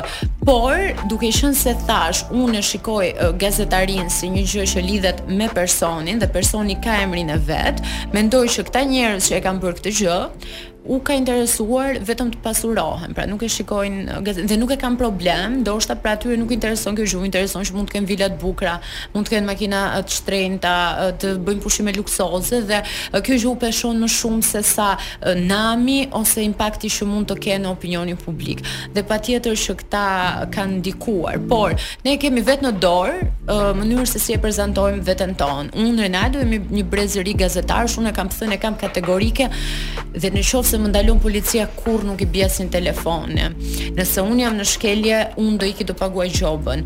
Unë kurrë nuk i bie telefonit për të kërkuar një nder nga qeveria asnjëherë në asnjë moment, as në spitale, as në asnjë lloj institucioni. Dhe për mua është i vetmi sekret që ti të jesh i çliruar nga ata, që ata mos të robërojnë. Po u kërkove një gjë një herë, është e pamundur që ti sepse, jo dhe ti vet ndihesh borxhli dhe ti vet nuk ndihesh i lirë. Një nga arsyet kryesore se përse unë kam një lloj lirshmërie ndaj politikanëve për të bërë pyetje është sepse unë në përgjithësi nuk kam as marrëdhënie me ta miqësore. Domethënë nuk para preferoj t'i t'i t'i mbaj në distancë, të kem një lloj marrëdhënie shumë korrekte, shumë dhe kjo gjë mua më penalizon sepse unë sakrifikoj ndonjëherë lajmin e fundit. Pra unë nuk jam gazetare që një time të shtetit. Jo, po kjo është kjo është bukur, ta sakrifikosh lajmin jo, e fundit. Jo, unë sakrifikoj lajmin e fundit. Pra unë jam të, domethënë ne jemi televizion me titra, unë sakrifikoj pse sepse nëse unë, unë do t'i jap diçka atij që atij ai të më jap atë lajm të fundit, vetëm nëse unë jam vajza e tij, partnerja e tij ose një e afërme shumë ë nuk e di motër kushërirë ai do më jap atë lajm përndryshe ti nuk ke asnjë detyrim sepse është njësoj si ti Ana të jesh sot në një post ku ke interesa të partisë tënde ose të institucionit dhe ti të shkosh dhe të dalësh dhe t'u japësh të nxjerrësh lajme gazetarëve pa pasur asnjë lloj interesi jo ti duhet t'u kthesh diçka atyre qoftë një çok apo qoftë mos t'i kursesh në rastet kur mund ndodh diçka Dhe unë preferoj që më mirë ta sakrifikoj këtë lajm të fundit se sa të jem borxhlesh ndaj atyre. Kjo është shumë e vërtetë. Të jap vetëm një shembull për ta ilustruar, për një periudhë shumë të shkurtër kohë, unë kam punuar si këshilltar komunikimi. Dhe kam patur një marrëdhënie shumë mirë me një gazetare që punon në një media specifike, një marrëdhënie miqësore. Kur erdhi puna për një lajm që duhet të dilte, uh, m'u kërkua shprehimisht nga personi që përfaqësoja, domethënë që ky lajm i fundit do jepet për filan media sepse kështu është paracaktuar. Me këtë gazetaren akoma sot e kësaj dite nuk flas, pavarësisht se kanë kaluar vite, sepse ajo këtë gjë e përjetoi si një tradhti shumë të madhe nga ana ime. Domethënë faktin që unë që një herë që pata mundësinë të nxirrja një lajm që ishte një lajm i rëndësishëm, domethënë, nuk ia dhashë për herë të parë këtij njeriu duke pas parasysh kësaj gazetare, duke pas parasysh sa miqësi kishim. Ëh, uh, ne bashkë. Dhe kjo ishte një gjë që më pat bërë shumë përshtypje, kështu që është e vërtetë dhe kjo që në një farë mënyrë diçka që shkon në të dyja kahat. Pra ti në momentin që zgjedh të mos miqësohesh, uh, mund të humbasësh lajmin e fundit, sikurse ka dhe njerëz që zgjedhin pikërisht strategjinë e të miqësuarit për të marrë pikërisht atë që është lajmi i fundit, sepse unë kuptova që dhe nuk është se se është gabim. Ka njerëz që e menaxhojnë këtë gjë. Ne e jo, gjetëm këtë po, sistem të ngritur. Aty aty e kemi. Lirin nuk e solla unë atë gjë ta mësosh. Lajmin e fundit, luftën për lajmin e fundit dhe këto pazaret për lajmin e fundit nuk i krijuam ne që erdhëm të ri. Ne i gjetëm në këtë terren. Ka se patjetër që nuk është se është situata përgjithësuar. Ka njerëz të cilët e menaxhojnë mirë këto, ka gazetarë të cilët e menaxhojnë mirë, por un kam zgjedhur këtë sepse nuk jam kështu natyrë. Edhe e kam problem, unë nuk e kërkoj, e kam shumë vështirë për shkakun që t'i kërkoj nder edhe një njeriu që ndoshta mund ta kem mik prapë se si më duket dhe imagjino ta krijoj këtë lloj raporti. Për mua është e vetmja mënyrë që ti sigurisht të thashë sakrifikon lajmin e fundit ndonjëherë është e vështirë sepse um, un kam ndonjëherë një masë si grifshë, si shtrigë ose si kështu tek ata dhe um, duket sikur un prap do t'i vë në siklet ose do t'i bezdis ose do t'i ngacmoj dhe ndonjëherë nuk më dalin edhe për intervista që prap është gjë e keqe. Por kam zgjedhur jo vetëm kanë frikë, ndoshta i druhen dhe kësaj që ndoshta mund dalin pak keq, mund t'i ngacmoj deri në pikën që mund t'i nxjerr pak keq ose t'u hap një lloj telashi nëse mund të them me partitë. Kështu që duhet të ketë një të mesme, por për t'u kthyer asaj që thashë, për shumë vite media në Shqipëri dhe vazhdon dhe sot ka një simbiozë me politikën, është shumë e lidhur me politikën, sepse media në Shqipëri është e varur financiarisht nga politika. praktika. Pra është e vështirë që ti të të mbijetosh me reklama dhe më e keqja në Shqipëri është që ti dhe ato reklama i merr me urdhër të qeverisë domethënë të pushtetit, pra pushteti ka arritur deri në pikën që i dikton uh, kompanive private që nuk kanë asnjë, pra nuk kanë lidhje drejtpërdrejt me shtetin, nuk varen nga ai, t'i dikton nuk do t'i çosh reklamat në atë televizion, sepse përndryshe do të sjell tatimet, do ta nxjehet, do dhe imagjino sa e vështirë është të mbijetosh në një situatë në një treg të tillë, prandaj them që je pak vetëm. Po, por zgjedh. Por për fat keq pushteti nuk lidhet vetëm me pushtetin në këndvështrimin e qeverisë, por lidhet pushteti edhe me pushtetin mediatik, që edhe me pushtetin ekonomik, që shpesh është më i madh se sa kaq dhe janë shumë të ndërlidhura. Kam një pyetje shumë interesante për ju të dy sa i takon bindjeve tuaja politike. Jo se dua ta di çfarë bindjesh keni, se nuk më intereson fare çfarë hidhni në kutinë e votimit, por Mbaj mend që përpara ca kohësh kaloi një rregull i brendshëm në BBC-n, që siç e dini është gjysmë publik, gjysmë privat, në të cilin gazetarët nuk mund të shprehinin opinionet e tyre politike as në platforma personale, qoftë dhe duke përfshirë disclaimerin që këto janë opinione të mia dhe nuk kanë të bëjnë fare me opinionin e punëdhënësit tim etj etj. Ëm, um, kjo është diçka e cila mund të funksionojë në në Shqipëri, domethënë e ka kërkuar Enkelejd Alibeaj në kodin e ri zgjedhor të gjobiten gazetarët, kryeredaktorët në rast se japin ngjyrime politike edicionit të lajmeve. Po çfarë do të thotë kjo? Si mund ta ndash këtë gjë se edhe këtu më dole në një pyetje tjetër që doja të ta bëja, që duket sikur edhe projektligje që tentohen të kalohen dhe rregullore që lidhen që nga këshilli i lartë i prokurorisë e të tjerë, duket sikur ka një lloj um, edhe edhe propozime të tilla, më duket sikur ka një lloj tendence për t'i monitoruar gazetarët, pra për të redaktuar atë që i serviret atyre. A kemi një lloj tendence të tillë? Po, ka një lloj tendence të tillë dhe uh, kjo është e vetmja pikë ku të gjitha palët bëhen bashkë. kjo po. Kjo kjo kjo është kjo është kjo, kjo është pika ku të gjitha palët bëhen bashkë. Si t'i bëjmë gazetarët që të na hapin më pak telashe dhe hartohen këto që thotë Ambrozia apo hartohen rregullore të brendshme të KLP-së dhe të institucioneve tjera që nuk lejohen gazetarët, krijohen grupe WhatsApp-i ku gazetarët nuk kanë mundësi të çojnë përgjigje, marrin vetëm ato që nisin zëdhënësat dhe nuk çojnë dot përgjigje, dhe kjo është pika ku të gjithë bëhen bashkë që sa më pak punë të kemi me gazetarët dhe sa më pak telashe të hapin gazetarët dhe sa më shumë ne t'ua vështirësojmë atyre mënyrën e marrjes së informacionit apo kontaktin me ta, aq më mirë për ne të gjithë. në opozitë dhe në pushtet. Ana nëse shef është një gjë që ka filluar shpejt, që me kasetat e gatshme, që aty ato janë vendosur kastile që gazetari mos të ketë kontakt dhe mundësi që me kamerën e vet, me mikrofonin e vet të shkojë dhe të xhirojë një politikan kur është duke bërë një miting, ku aty qytetarët nxjerrin vetëm atë pjesën e bukur që janë këta duke u folur dhe Ti nuk ke mundësi që ta shofësh gjithë panoramën, ndoshta dhe një moment kur një qytetar afrohet, i thotë që nuk e ke mbajtur këtë premtim apo dhe kjo ka filluar, ka ardhur shumë herët dhe tani ë pra ka qenë në një farë mënyre më e sofistikuar, tani ka filluar në pikën që bëhen, nuk e kanë probleme dhe po t'i bëjnë, po t'i shkruajnë në formë ligjesh apo po të jenë kaq standard siç duket qartë që për shembull është ky propozim. Ata rezistuan dy vite për ligjin antishpifje dhe ishte vetëm uh, fakti që ngulmuan shumë organizatat uh, ndërkombëtare, fakti që ne po hyjmë drejt një procesi integrimi ku një nga gjërat kryesore që thuhet në raportin e Komisionit Evropian këtë herë ishte liria e medias nuk ka bërë fare progres në Shqipëri, pra është është përkeqësuar dhe është keq. Kështu që kjo ka qenë në një farë mënyrë nëse i pengon diçka janë Janë ata të tjerë, se të jetë për këta, të jetë për këta. Është presioni ndërkombëtar që e e anuloi dhe ligjin për median që desh u miratua atëherë. Të mos ishin ndërkombëtarët, këta mund të kishin bërë jo vetëm që gazetarëve t'u ndalohen postimet në Facebook e të ndalohet ku di unë, po kush e di se çfarë do kishin shpikur tjetër. Edhe kjo është shumë e Po prap, edhe unë nuk jam dakord me këtë të BBC-së, thotë ti. Mm. Se gazetari Është gazetar gjatë kohës që raporton dhe është përballë publikut. Po, Okej, okay, por ka një lloj influence. Në platformën time unë shiko, a kam të drejtë për mendimin tim? Jo, nuk është nuk është nuk po mbroj këtë e BBC-së për këtë, po dua të them që nuk është kaq kjo ndarja bardhezi siç e bën ti. Marr rastin e Ambrozias. Ëm, um, që po thua që ka shumë njerëz që e kanë pëlqyer për guximin e saj e me radhë. Pra ka fituar pros and cons. Ka njerëz që e kanë e shohin si një lloj modeli. Ë uh, automatikisht çdo lloj gjëje që thotë Ambrozia ka tendencën të kalojë në mënyrë të nëndheshme për këta njerëz si një opinion krijues. Pra gazetari është opinion krijues edhe kur është jashtë studios së tij të lajmeve, po them kot unë, apo jashtë, uh, nuk e di, um, studios së emisionit të tij, ai e mbart këtë peshë me vete. Po mirë, ky gazetar i shkretë, ky gazetar i shkretë a ka të drejtë të ketë një mendim për mua, po. Por dua të them nuk është kaq bardhezi sa që bën ti që ai në momentin që heq kostumin e vet të gazetarit shkon në shtëpi është një njeri i çfarëdoshëm. Po ka ndikim, por unë mendoj që në Shqipëri media ka humbur pak ndikimin për shkak të sistemit që është krijuar në ditën e zgjedhjeve. Mm. Pra, në qoftë se shikon, kjo ka qenë po flas gjithmonë për këtë qeveri, po i referohem, ka pasur shumë analistë kritikë. Pra, ti pjesën më të madhe të analistëve politikë, të cilët janë emra me shumë peshë, kishte edhe një pjesë patjetër që ishin anës qeverisë, por një pjesë shumë e madhe e gazetarëve apo emrave që kishin impakt në opinionin publik, kanë qenë këtë herë, nëse mund ta themi, shumë kritikë ndaj kryeministrit Rama. Dhe kur erdhi puna, pavarësisht që mediat publikuan shumë skandale të qeverisë, kanë bërë denoncime.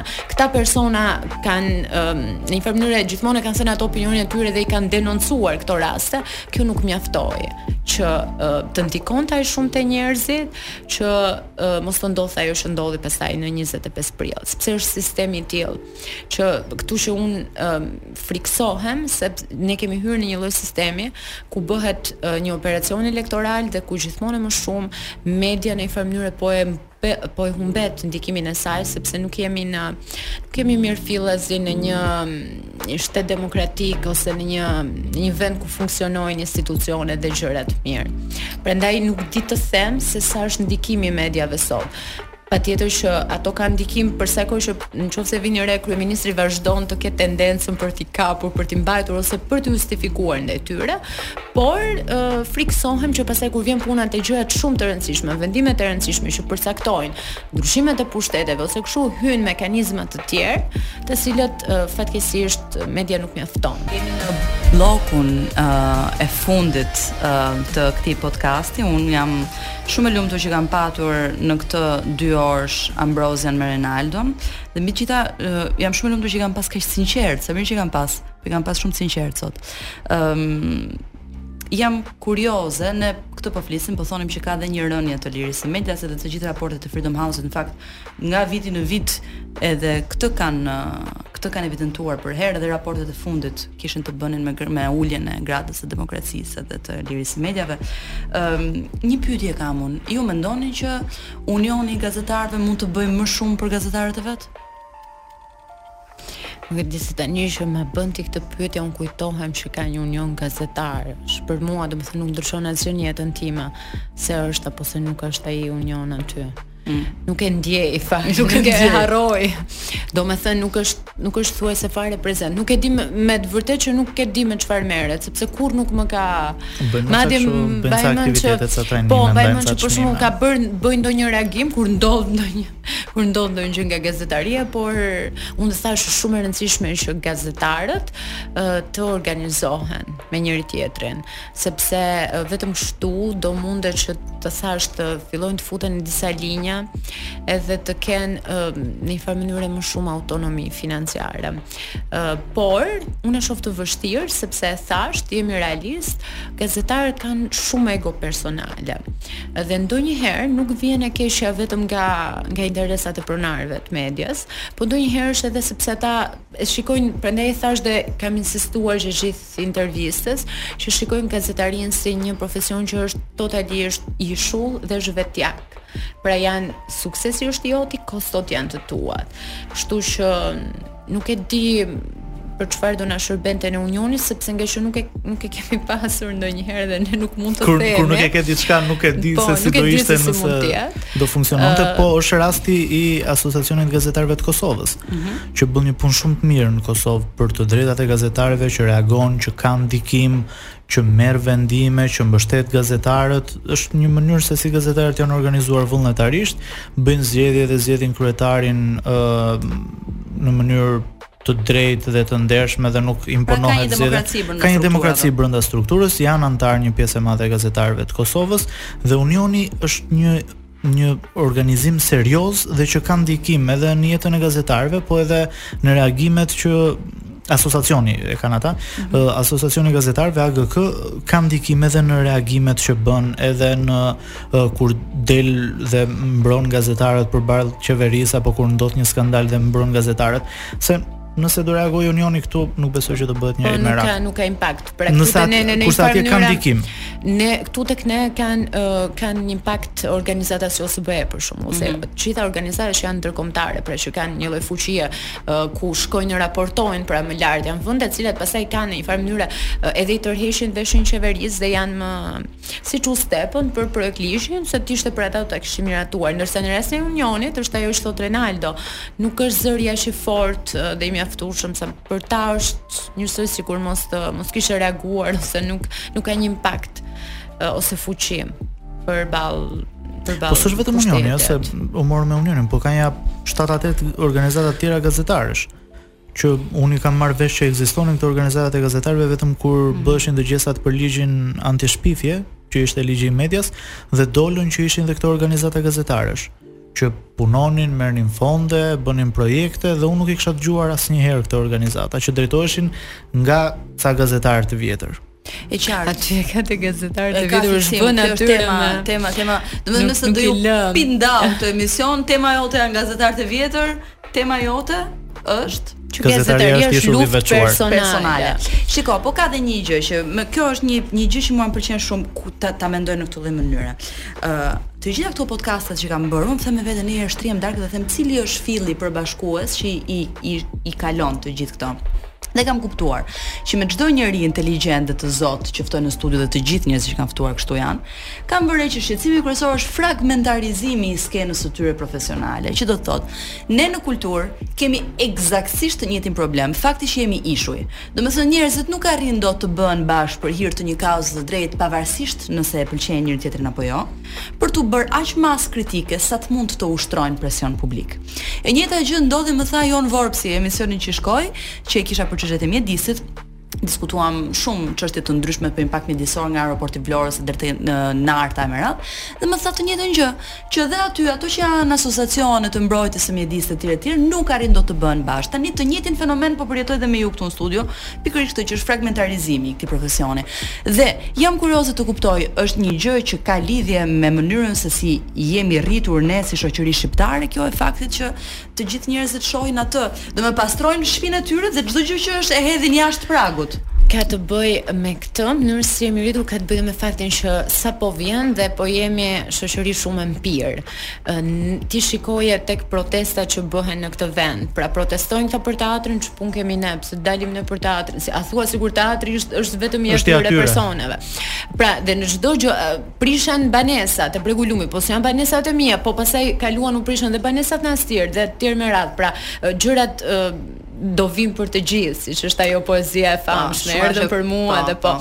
Pra, unë mendoj se kjo vjen nga fakti që ne jemi shumë të mpirë, sepse na kanë shtypur deri në atë pikë ose i kemi kemi parë që gjërat sa po vijnë dhe po përkeqësohen, sa ne mendojmë që ndoshta dhe një reagim i tillë, pra edhe nëse ne mblidhemi dhe bëhemi deri diku, prapë prapë nuk do funksionojë, prapë nuk do tërhiqen. Unë mendoj që ka të bëjë me një me një edukatë frike që ne kemi kaluar për edhe për 50 vite me radhë që në një farë mënyre ka ndikuar në mënyrën se si jemi rritur, atë idenë mbaj gjërat për vete, mos i thuaj e me radhë. Domethënë, ka një lloj frika është më e edukuar, kam idenë në Shqipëri se sa në vende të tjera. Po unë pres që kjo gjë të mos jetë te gazetarët. Mund të jetë në sektorë të tjerë, po jo te gazetarët. Ne deshëm të krijonim një herë një organizim, sindikat, nuk e di, një gjë me gazetarë, ë dhe Pyetjet që na bëheshin, që i bënim njëri tjetrit më shpesh kur ne vendosëm që të krijonim një sindikatë gazetarësh ishte kush do ta drejtojë këtë sindikatën, mhm. frika e kapjes nga dikush dhe uh, po nëse marrin vesh pronarët që ne jemi pjesë e kësaj sindikatës do na heqin nga puna. Mm. Këto ishin dy probleme. Këto janë pyetje, këto janë pyetje të rënda. ë uh, Edhe kam idenë që jemi duke e lënë këtë podcast në një bad note kur i thonë, po ku do ti ta lëmë, më keq akoma. se nuk i vure një titull emisioni dy gazetarë që duan të ikin nga Shqipëria, dhe se tani që po vinim për në në emision ishim po atë. Po pyesnim për lotarinë amerikane. Po pyesnim, po jo ishim atë idenë që oh, po Nuk e di ka shumë pesimizëm, mm. edhe pse ne duam ta mbyllim mirë emisionin tënd, uh, ka shumë pesimizëm. Kështu që uh, edhe jam... gazetarët janë pjesë e kësaj shoqërie dhe është pak e vështirë që të jesh Uh, është e vështirë të jesh ndryshe. Unë pashë dhe lajmin e asaj gruas që kishte 14 vite që aplikonte për lotari amerikane, nuk e nuk e di mm. cili mm. cili televizion e nxori, po. Euronews. Ëh, uh, Unë ju them publikitetin e bëri vetë. Po e bëri në sekondën e fundit. Gol sekondën e fundit. Unë ju falenderoj shumë që ishit me ne uh, sot. Çuna uh, Goca ishte një kënaqësi e paparë edhe uh, ne bashkë ridëgjohemi të enjten që vjen. Natën e mirë.